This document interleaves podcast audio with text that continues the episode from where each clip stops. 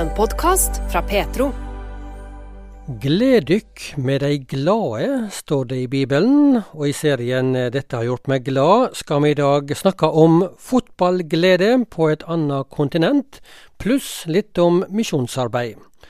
Morten Egeland er regionleder for Misjonssambandet sitt arbeid i Elfenbenskysten og Mali i Vest-Afrika. Og da vi snakka med han eh, nå på mandag, så gleder han seg over at eh, Elfenbenskysten hadde vunnet Afrikamesterskapet i fotball på heimebane. Og da går landet av hengslene. Så nå er det full feiring i Elfenbenskysten i dag.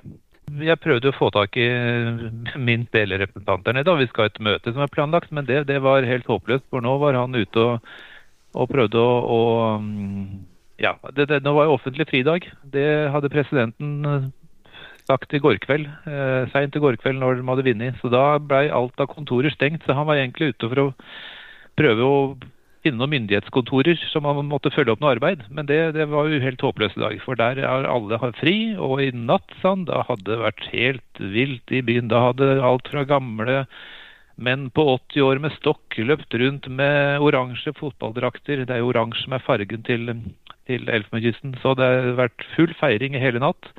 Og så er det da fri på alt av skoler og eh, kontorer i dag for å feire at det vant.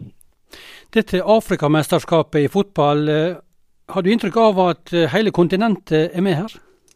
Ja, det, det gjelder jo. Det har vært kvalifisering. Det er som et sånn vi har i Europa her, europamesterskap. Um, så her har de både vært fra Sør-Afrika og vest og øst og nord. Um, men det er jo klart det er vestafrikanske land som er noe av de beste nå. Det så vi i hvert fall i den turneringa her nå. Ja. Og Elfenbenskysten har altså da vært vertsland for dette mesterskapet denne gangen? Ja, de uh, arrangerte dette her.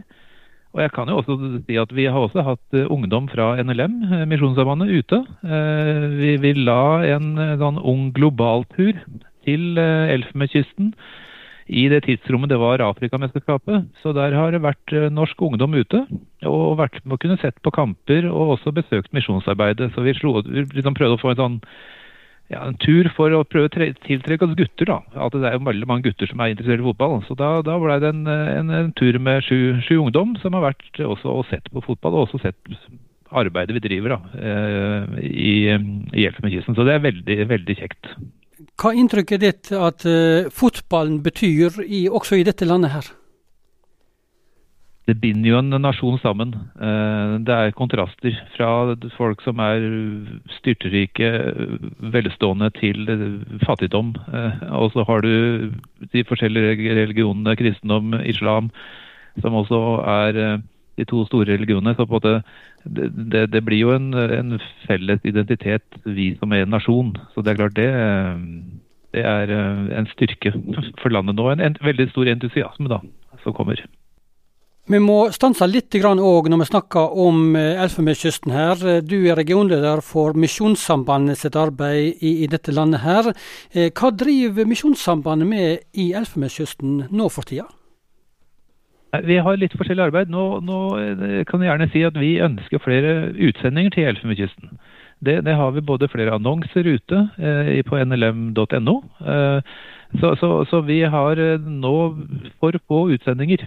Eh, så vi, det vi driver med, det er både mediearbeid. Eh, man driver med, med mm, oversettelse av programmer, sender på radio. Man driver med bibeloversettelse til Mao-språket. Man har et bibelsenter i nord der, der man har eh, både kurs og leirer, og vi driver evangelisering. Så, så vi driver ja, også et bistandsprosjekt, diakonalt prosjekt eh, i Abidjan. Så vi, vi, driver mange ting, men vi er for få folk nå. Så vi, vi håper å få en, eh, ja, en entusiasme i misjonsarbeidet òg, og få ut flere folk til, til arbeidet der. For det er, det er, store muligheter. Selv om det er et eh, nordre del av Elfenbenskysten er et muslimsk område, så er det åpne dører. Du kan forkynne, du kan evangelisere eh, i et, også et islamsk, eh, muslimsk kontekst. Da. Så det er, det er, helt unikt, og der håper vi å få flere folk. Er fotballen òg en del i å få kontakt med folk når en jobber med misjonsarbeid?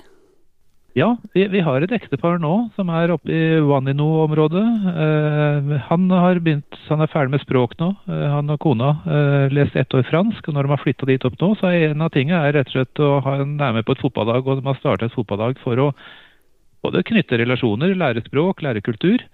Og når jeg skal ut nå om to-tre uker på misjonærkonferansen, så har jeg rett og slett med meg en, en koffert med fotballdrakter. Som, som, det var noen misjonsvenner som sa at nei, dem eh, trengte ikke vi på fotballaget, dem er nesten nye. Kan, er det bruk for dem? Og det vil de gjerne ha der oppe.